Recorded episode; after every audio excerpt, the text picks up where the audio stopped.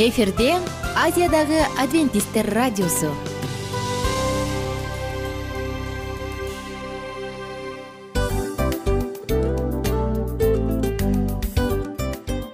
Достор салют. Баардык сүйүктүү угармандарыбызга салам айтабыз. Кутман күнүңүздөр менен. Ден соолук өмүрдүн булагы демекчи саламат саамы программасында баарыңыздарды көргөнүбүзгө абдан кубанычтабыз. Анда алгач амандашып өтөлү арбаңыздар деп. Ден соолугуңуздар кандай элибизде көбүнчө ден соолук кандай дегенде эле жакшы деп жооп беребиз э? ооруп турсак дагы жакшы дейбиз. Анан мен муну айтып ойлойт элем бул абдан сонун сөз депчи анткени бул жакшы деген үмүт да э баары жакшы болот баары сонун. Деп үмүттөнүп атып эле өзүбүздү өзүбүз дарылап коебуз. Анысы кандай? Сиздин дагы ден соолугуңуз жакшы беш деген үмүттөбүз чындыгында ден соолук бул өмүрдүн булагы деп бекеринен айтылган эмес деп ойлойм. Кыргыз элинде анткени эгерде ден соолук жок болсо анда адамдын жашоосунда калган баардык керектүү маңыздуу нерселер өзүнүн баалуулугун жоготуп коет. Ошондуктан ден соолук бул эң керектүү нерсе. Ооба туура айтасың кесиптешим. Чынында ден соолугуң жок бир эки үч күн ооруп калсаң эле э кандай болуп калат? Жашоодо көз каранды болуп каласың көп нерсеге жетишпей каласың көп нерсени кыла албай каласың жада калса эшикке дүкөнгө да чыга албай каласың. Туптуура анан ден соолук болсо демек биз биздин бактыбыз тоодой деп койсок болот. Анда достор саламат саамы рубрикабызды баштайлы. Алдыда өзүңүзгө керектүү болгон сонун кеңештерди уга аласыздар. Мына ошондуктан биз менен бирге болуңуздар. Ал эми биз болсо милан жана айнура. Кеттик алга. Алга саламат саама ден соолуктун жарчысы. Саламат саама ден соолуктун ачкычы. Күн сайын сиз үчүн мыкты кеңештер сонун жаңылыктар кызыктуу фактылар биздин рубрикада.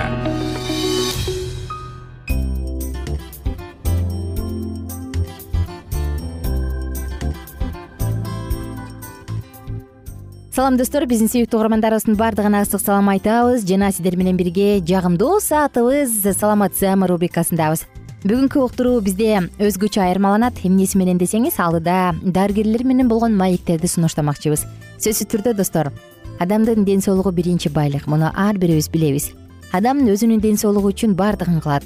Анан тилекке каршы ден соолуктан айрылган учурда колунан эч нерсе келбейт экенин түшүнүп ах айттың ай деп баш бармагын тиштейт э? Муну көбүнчө ата апаларыбыз чоң ата чоң энелерибиз ай балам жаш кезде ден соолукту карма бутуңа жылуураак кий деп мага көп айтышачу эле да ушинтип менин чоң ата чоң энелерим. Башыңда жылуу кийин кышында жылаң баш жүрбө үшүп каласың.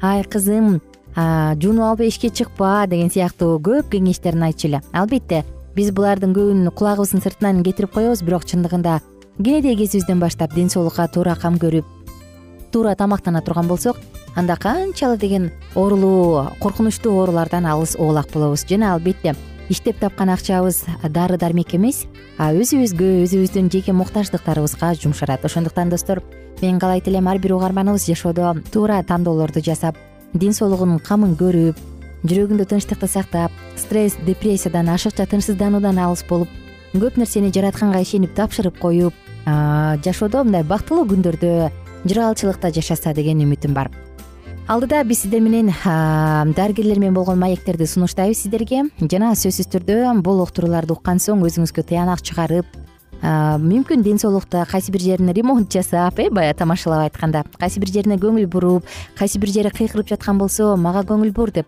ага көңүл буруп коюу абдан зарыл. Ошондуктан каалайт элем достор.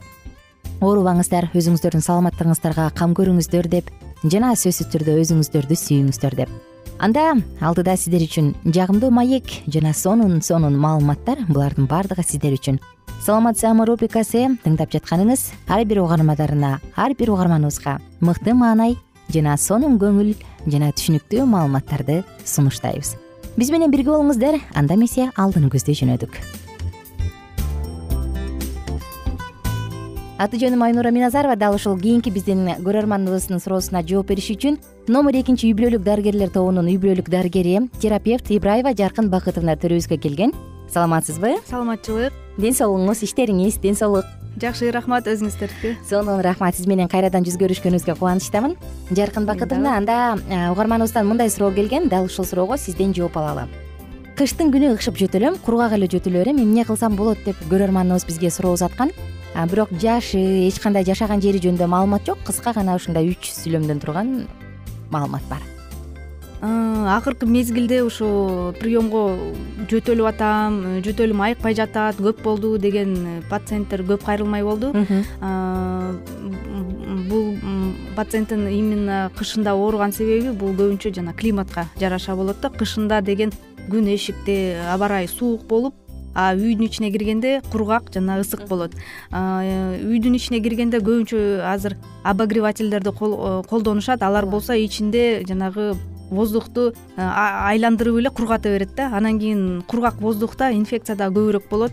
Кургак воздух өпкөлөрдү жанагы бронхаларды раздраженияга алып келет. Анан ошол себептен эшикке чыгар замат булар жөтөлөй баштайт. Э, кички балдар дагы чоң кишилер да жөтөлөй баштайт. Анан дагы чоң э, маани ушу аллергияга дагы ушу үйдүн ичинде чаң толуп калса же көчөдөгү чаң негизи эле ошо климатыбыз бузулуп баратат акыркы мезгилде анан ошол ар кайсы факторлор э, таасир этип атат да ушул жөтөлгөчү анан кийин эгер үйдө Э, увлажнитель воздуха болсо э, жөтөлү азайып калат да. Ошо увлажнитель воздухаларды ошо эки үч литр суу куюп туруп анан ошону э, пар аркылуу чыгарат. Анан ар бир комнаттын бурчуна коюп койсо баягы кечке чейин түн ичинде койсо кичине воздух увлажнять нымдалып калат да нымдалып калганда кичине ошол жакшы аябай эме жардам берет да. Анан балким бул ошондой условияда жашайт. Сиз жана атайын абаны нымдандыруучу аппарат жөнүндө айтып атасыз да. Э а эгерде андай жок боло турган болсочу мисалы андайга шарты жок болгондор болсо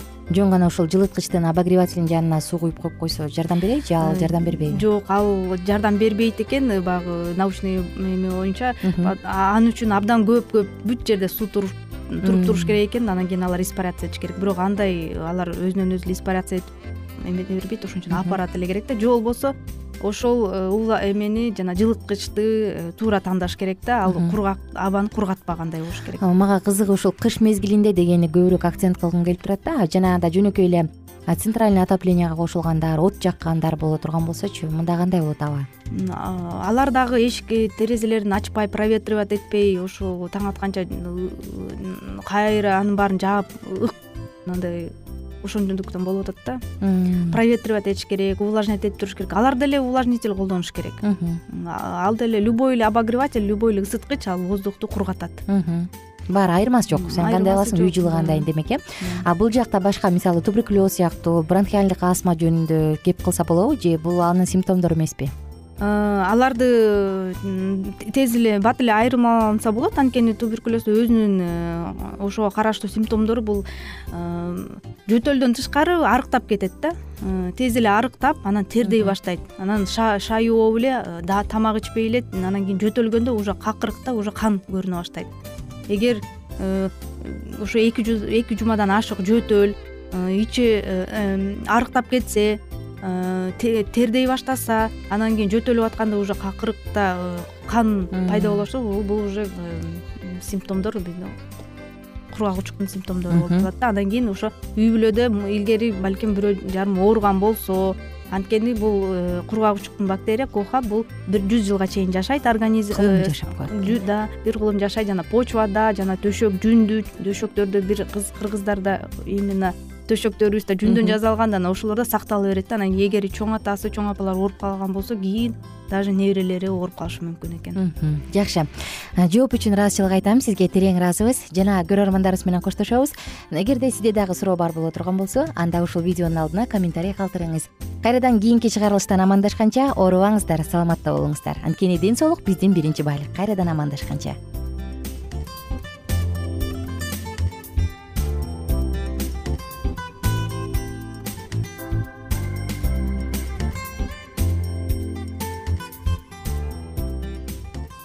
кененирээк маалыматтар үчүн үч w чекит саламат чекит клуб сайтына келип таанышыңыздар.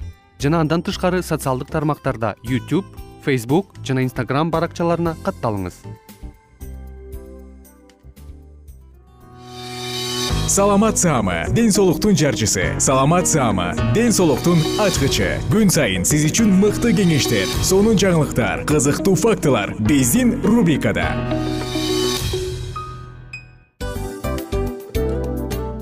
салам достор. Кайрадан биздин сүйүктүү рубрикабызга кош келиңиздер деп айтмакчыбыз. Баардык замандаштарыбызга арбаңыздар деп саламыбызды айтабыз. Улуу ушундай бир урматтаган учурашуу менен анан дил маек радио баракчабызга чакырабыз. Негизи дил маек биздин рубрикабызда эмне жөнүндө кеп кылабыз бул дил маектин мааниси эмнеде рубрикабыз менен кичине тааныштырып кетсеңиз. Сөзсүз түрдө тааныштыра кетейин кесиптешим суранычы боюнча бул учурда бул радио баракчада биз ар тарап кесип ээлеринен сонун кеңештерди алабыз сүйлөшөбүз сырдашабыз. Аталарыбыздын эжелерибиздин апаларыбыздын кеңештерин угабыз айтор. Жан дүйнөгө адамдын э, сапатына адамдын деги эле адам болуп жашашына керектүү баардык кеңештер алдыда. Негизи э, дил маек дегенде баягы эки адамдын ортосундагы сырдашуу кенен сүйлөшүү. Негизи эле биз адамдар бири бирибиз менен бир жерге жай жерге отуруп алып өзүнчө тынч жашоо жөнүндө өмүрүбүздө эмне болуп атканын бөлүшкөнү жакшы көрөбүз э адамдар. Ооба туура айтасың анан мындай учурга кээде убакыт да жетпей келет э? Же болбосо сырыңды кайгыңды муңуңду кубанычыңды айткың келет а адамга ишенбешиң мүмкүн. Ооба. А бул радио баракча угармандарыбыздын чыныгы досу анткени бизден алган кеңеш сиздин жашооңузга чоң жардам берет. Ал эми сиздин бизге айта турган сөзүңүз ортодо гана сыр бойдон калат. Ошондуктан биздин дил маек рубрикабызга дагы бир жолу кош келиңиздер. Жана биз даярдаган маалыматтарга даяр болуңуздар. Айнура жана милан сиздер менен бирге алдыга кеттик ар түрдүү ардактуу кесип ээлеринен алтын сөздөр жүрөк ачышкан сыр чачышкан сонун маек дил маек рубрикасында.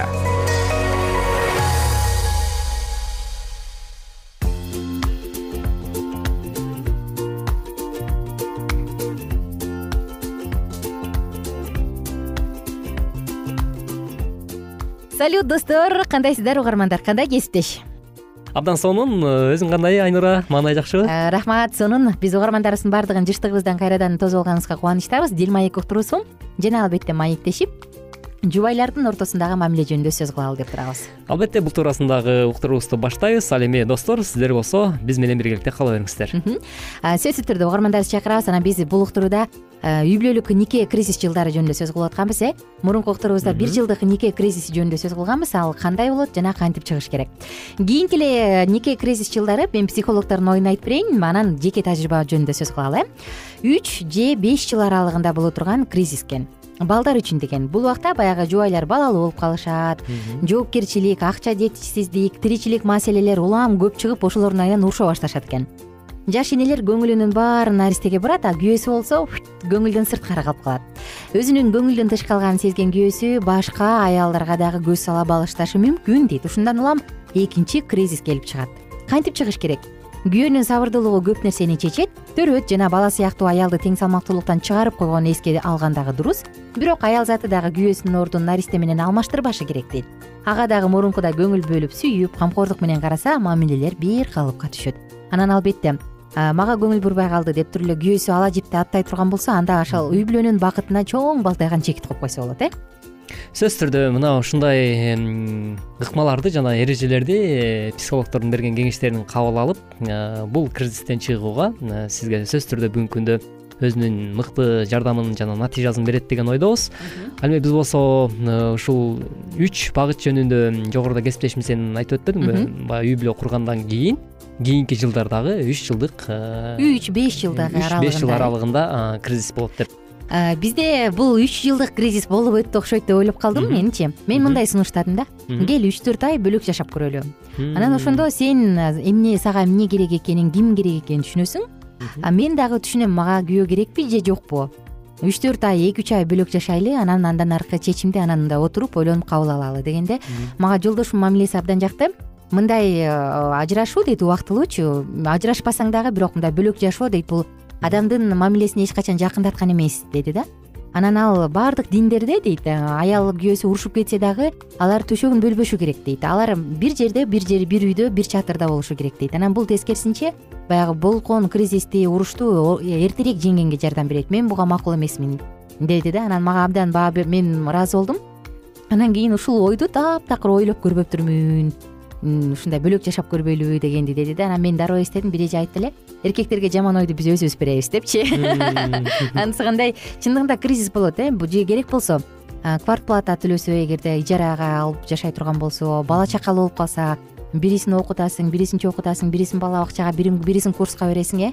Анан баягы чыныгы турмуш кандай экенин көрө баштаган учурда булчу а көрсө эртеден кечке иштешиң керек экен алган айлыгыңды баягыдай өзүңө коротпой эми үй бүлөгө беришим керек экен. Алып барып эле башка бирөөнүн чөнтөгүнө дагы салып берчи учур болуп калып турбайбы деп мындай ойлойм. Жашоону реалдуу көз караш менен карай баштаганда адамдын жашоодонбу же жарымынанбы көңүл калуулуу учурлары башталат окшойт да мындай трезво карап деп коет го.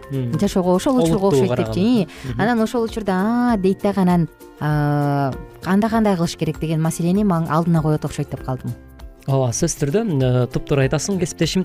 Негизи эле ошол э, беш жылдык аралыкта үй бүлөлүк кризисте э, ар бир эле инсан ар бир эле мисалы бизди угуп жаткан тыңдап жаткан угармандар деле бул процесстерден өтөт болуш керек менимчечи бирок ошол өтүп жаткан процесстердин чыгуу жолдору мындай кантип чыгыш керек ошол деген маселе туулган учурда чындап эле мындай өтө кыйын да анткени жанагы сен айтып атасың жогоруда ушул көбүнчө айымдар э, ушул төрөттөн кийин э, сөзсүз түрдө баягы э, гормоналдык жактан физиологиябы баягы денелик жагынан психологиялык жактан да баардык жаатта өзгөрүү болот. Ошол учурда дагы чындап эле мындай эркек адамга дагы өтө оор болот да. Анткени муну ар бирибиз эле үй бүлөдө мындай башыбыздан өткөрөбүз. Бирок мен ушул жерден сен менен макул болгум келбей атат да.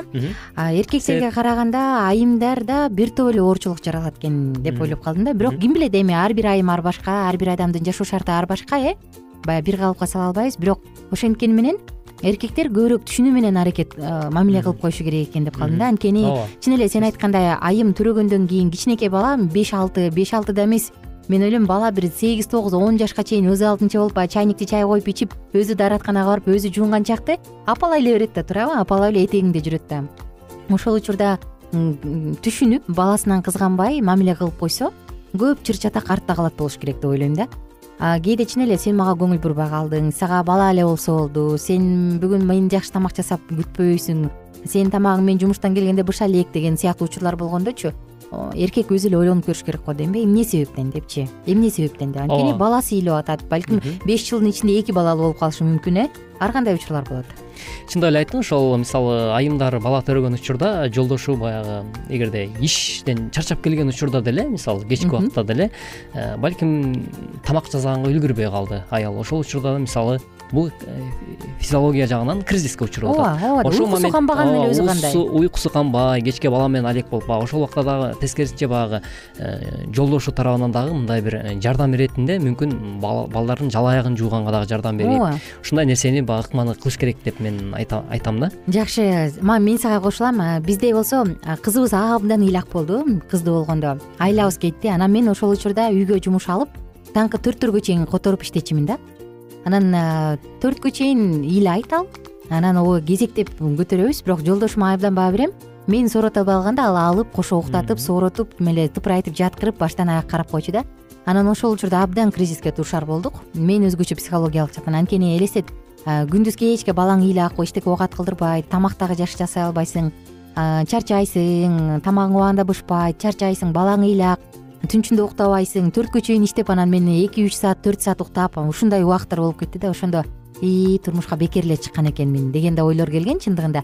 Бул учурда эми жолдошуңдун түшүнүү менен мамиле кылганы ушул кризисти жеңгенге жардам берет. Биздин убактыбыз аз эле калды кийинки жылдарда жети сегиз жылдарда кандай кризис болушу мүмкүн? Мына ошол жөнүндө сөз кылабыз. Ага чейин жалпыңыздар менен амандашканча сак саламатта туруңуздар. Аман туруңуздар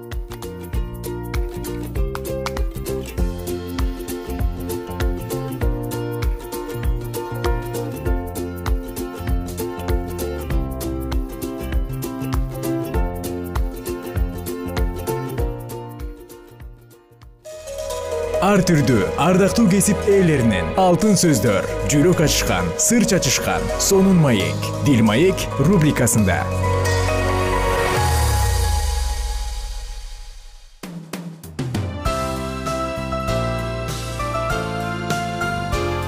Эфирде азиядагы адвентисттер радиосу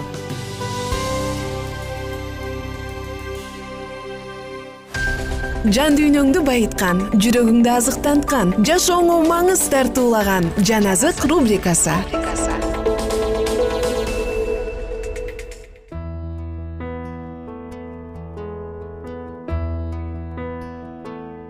кутмандуу күнүңүздөр менен урматтуу достор жана ошондой эле сүйүктүү радио угармандарыбыз биз кайрадан эле э, жан азык уктуруусун улантабыз. Бүгүнкү программабыздын чыгарылышында кесиптешим айнара экөөбүз. Кайрадан эле ушул өткөн уктуруубузда сөз кылгандай эле сөздүн күчү туурасындагы маегибизди баштамакчыбыз салам достор. Жалпыңыздарга кутман күн. Чын эле кесиптешим экөөбүз кайрадан бел байлап тил жөнүндө сөздүн күчү жөнүндө сөз кылалы деп турабыз. Анан мурунку уктуруубузда биз инжил китебинде жазылган сонун бир тил жөнүндө бир маалыматтарды айтпадык белек э? Ошол жерде айтат. Тил да от адилетсиз дүйнө дейт. Карасаң баардык жырткычтар канаттуулар сойлоочулар деңиз жаныбарлары адам баласы тарабынан багындырылган жана багындырылып жатат. Ал эми тилди эч бир адам багындыра албайт. Тил эжа бербеген жамандык ал өлтүрүүчү ууга толгон тилибиз менен кудайды атаны даңктайбыз. Тилибиз менен кудайдын бейнеси боюнча жаратылган адамдарды каргайбыз. Бир эле ооздон даңктоо да каргоо да чыгат. Бир туугандарым мындай болбошу керек дейт карачы. Э бир эле булактан таза суу да шор суу да чыгышы мүмкүнбү дейт. Албетте андай эмес да. Мына ошондуктан тилибизден кандай сөздөр чыгат? Кээ бир адамдар барго тили таттуу тим эле укмуш э укмуш сөз кылат. Анан ушул ыйык китепте бир жерде бар эле тили заар адам менен талаш тартышпа дейт да. Андан кач дейт ии андан кач дейт э. Карап отурсаң тилдин ачуулугу тилдин мындай жийиркеничтүүлүгү даана көргөзүлөт да андай адамдан кач дейт. Же болбосо отту элестетип көр кенедей эле от канча деген миңдеген гектар жерди өрттөп кое алат го. Бат эле айланасын жок кылып коет. Ошол эле эле жаныбыздагы адамдарды жеп жутуп коет экен жок кылып өрттөп коет экен элестет. Канчалык коркунучтуу мына ошондуктан чын эле сөздүн күчүн билип сөз багып сөздү баалай турган болсок мен ойлойм анда биз жакындарыбыздын жүрөгүн ооруткандан алда канча алыс болобуз деп. Жана сен жогоруда окубадың белең мындай депчи? Оозунан жаңылбаган адам бүт денесин ооздуктай алган жеткилең адам деп. Карачы э кандай сонун айтылган бүт денесин ооздуктай алган жеткилең адам. Бир уктуруубузда сабырдуулук жөнүндө сөз кылганда да айтканбыз э бул сүйлөшүүгө дилгирлик көргөзө билүү депчи. Демек тилин байлай алган тилин башкара адам башкара алган адам сөзсүз түрдө сабырдуу адамдардын катарына кошуласа керек. Ооба. Ал эми ушул тил жөнүндө биз сөз кылып атканда дагы өз учурунда ушул эле ыйык жазууда дагы аюп аттуу пайгамбар болгон экен. Ал дагы ошол көп учурда кудайга кайрылып аны менен баарлашуу мындайча айтканда сыйынуусунда ал айткан экен да. Кудай теңирим менин оозума ушу жаман сөздөрдү айтып албаш үчүн буктурма кой депчи. Бул нерсени кийин э, ошол атак даңктуу сулайман аттуу пайгамбардын дейбизби падышанын даанышмандын баласы дөөт дагы ушул сыйынуу менен көбүрөөк сыйынып мындай э, кудайдын жүзүн издөөдө ушул нерсени көбүрөөк колдонгон экен да. Дайыма ушу кудай теңир менин оозумду жаман сөздөрдөн э, сакта депчи анан мен азыр ушул жерден бир ойду кошумчалап кетким келип атат. Бул албетте менин өзүмдүн жеке турмушума өзүмдүн жашоомо байланыштуу да кесиптешим. Анткени э, биз деген ар дайым ачык сүйлөгөнгө э, мисалы үйрөнүшүбүз керек го деп ойлойм да. Бул менин жеке көз карашым анткени мен э, кемчиликсиз адам болбойт. Бул жашоодо баягы кыргыз элибизде айтат го жаңылбаган жаак мүдүрүлбөгөн туяк болбойт дейт да. Анысыкарындай биз кээде жаңылып алабыз ачуулук менен бир ачуу сезим менен даже үй бүлөлүк жашообузда деле биз туура эмес нерселерди сүйлөп алышыбыз мүмкүн анткени эч ким эч кимге э, мындай гарантия бере албайт да бүгүнкү күндөчү анан менин жашоомдо кандай болду? Кыскасын айтканда мен бир жолу менин кичинекей уулумду. Жаңы эме алып бергем велосипед алып бергем анан бир нерсесин сындырып салыптыр. Эй бакчы сындырып алып анан э, ыйлап келди да. Жетелеп алып ыйлап могу сындырып салдым деп анан жаңы эле алып бердим да. Анан ал велосипед дагы аябай кымбат болчу да. Анан мен аны урушуп атам да анан э, ошентип ачуум менен эмне сындырдың деп атып туруп азырбы сенин өтүңдү алам деп сүйлөдүм да. Азырбы сенин өтүңдү алам депчи. Ачуум келип ошентип айтып алып анан кайра ойлонуп калдым да. Дегичекти ошентип ой жүгүрткөнчөктү эле келинчегим мени урушту да. Сен эмне деп сүйлөп атасың? депчи. Бул өтүңдү алам деген сөз ал сөзүңдү арткал бул эмне? деген сөз депчи ошондо мен чын эле мындай э, ойлоно түшүдүм ойлонуп анан ашкерелендим десем болот да ашкереленип э, чын эле өт алам деген сөз бул жаман. Анткени айрыкча эркектер көбүнчө мырзалар ушул сөздү көбүрөөк колдонот. Э, мисалы улуу сөздө уят жок энеңди урайын деген да сөздү айтышат э бул баягы чын эле орой сөз төл сөз болуп калгандай э төл сөз болуп калган да. Мен деле тилекке каршы ушундай сөздөрдү баягы көнүмүш адат катары кээде айтып алчумун да негизи эки адам болгон жакшы деп кудайдын сөзүндө абдан жакшы мындай туура жазылган деп мен ойлойм. Анткени э, эки адам дайыма бири биринин кемчилигин толуктап мындай бири бирине жардам берип турат да. Анан тирөөч болуп турат э? тирээч болуп турат. Анан келинчегим айтканда ошол сөздү айтканда мен жанагы өтүңдү алам дегенде бул эмне дегениң мындай айтпашың керек депчи. Анан анализдеп көрдүм да эмне себептен ушул сөз көбүрөөк айтылат кайсы улуттарда көбүрөөк айтылат болду экен десек кыргыздардан башка эч ким бул сөздү айтпайт экен да. Кыргыздар көп айтат экенбиз ушул сөздүчү анткени сен кандай тарбия алсаң чөйрөңдө. Ошол нерсени кайра эле балдарыңа өткөрүп берет экенсиң да анан мен ойлоп калдым да биздин ата энелерибиз деле ушинтип айтып келген экен э өтүңдү алам? деп көп сүйлөшөт экен элдер төл сөз болуп калган. Төл сөз болуп калган. Анан карап келсең э, э, баягы медициналык жактан э, ден соолук жактан карап келгенде бүгүнкү учурда кыргызстанда да көптөгөн адамдардын өтүттөрү жок экен да. Сөзүңө аралжы эки жыл мурун мындан атамдын өтүнүн алып операция кылып больница ооруканага жатып калдык да анан ошондо күнүнө жүз киши жатып чыгат экен өтүн алдырып. Анан атам айтып атпайбы мына сөздүн күчү өтүңдү алам өтүңдү алам деп атып чын эле өтү жок кылып атабыз. Бул бул бир чети күлкүлүү дейт да бирок бир чети эмнеге дегенде буга чейин деле май жеп келген дейт элибиз. Буга чейин деле малдын тамагын ич май керек болсо тоң май жеп келген. Эмне үчүн ал учурда эмес азыр көбөйдү депчи анткени биз сөзүбүздүн жемишин ооруп атабыз деп ушинтип тыянак чыгарып калып атпайбы. Бул сөздүн жемиши депчи анысы кандай чын эле ойлонбой туруп көп айтасың. Анан бул сөздөр мындай сөздөр кыргыз тилинде абдан көп экен деп калбадыңбы ушул тууралуу биз кийинки уктурууда дагы бир маалымат айтып бергим келип турат. Азырынча болсо достор сиздер менен коштошкубуз келет. Сиздин жашооңузда күнүмдүк жашооңузда кайсы сөздөрдү көп пайдаланасыз? Эстеп көрсөңүз келесоо шүмшүк деген сыяктуу сөздөрдү колдоносузбу алтыным каралдым жаным деген сөздөрдү көп колдоносузбу ойлонуп көрүңүз. Келиңиздер бүгүн ушул кийинки уктурууга чейин лексиконубузду бир байкап көрөлү. Э кандай сөздөр бар? Ал эми сиздер ушул боюнча өзүңүздөрдүн ой пикириңиздерди биздин төмөнкү whatsapp э, номерибизге өзүңүздүн пикириңизди калтырсаңыз болот. Ал эми бизге бөлүнгөн убакыт өзү ушу менен өз соңуна келип жетти кайрадан амандашканча достор күнүңүздөр көңүлдүү улансын. Сиздин оозуңуздан бал гана агып турсун даамдуу таттуу сөздөр гана агып турсун. Бар болуңуздар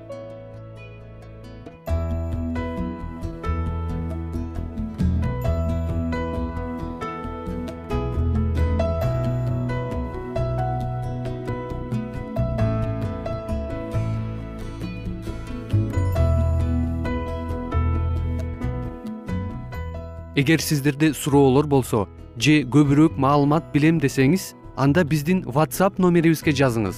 Плюс бир үч жүз бир жети жүз алтымыш алтымыш жетимиш. Кайрадан плюс бир үч жүз бир жети жүз алтымыш алтымыш жетимиш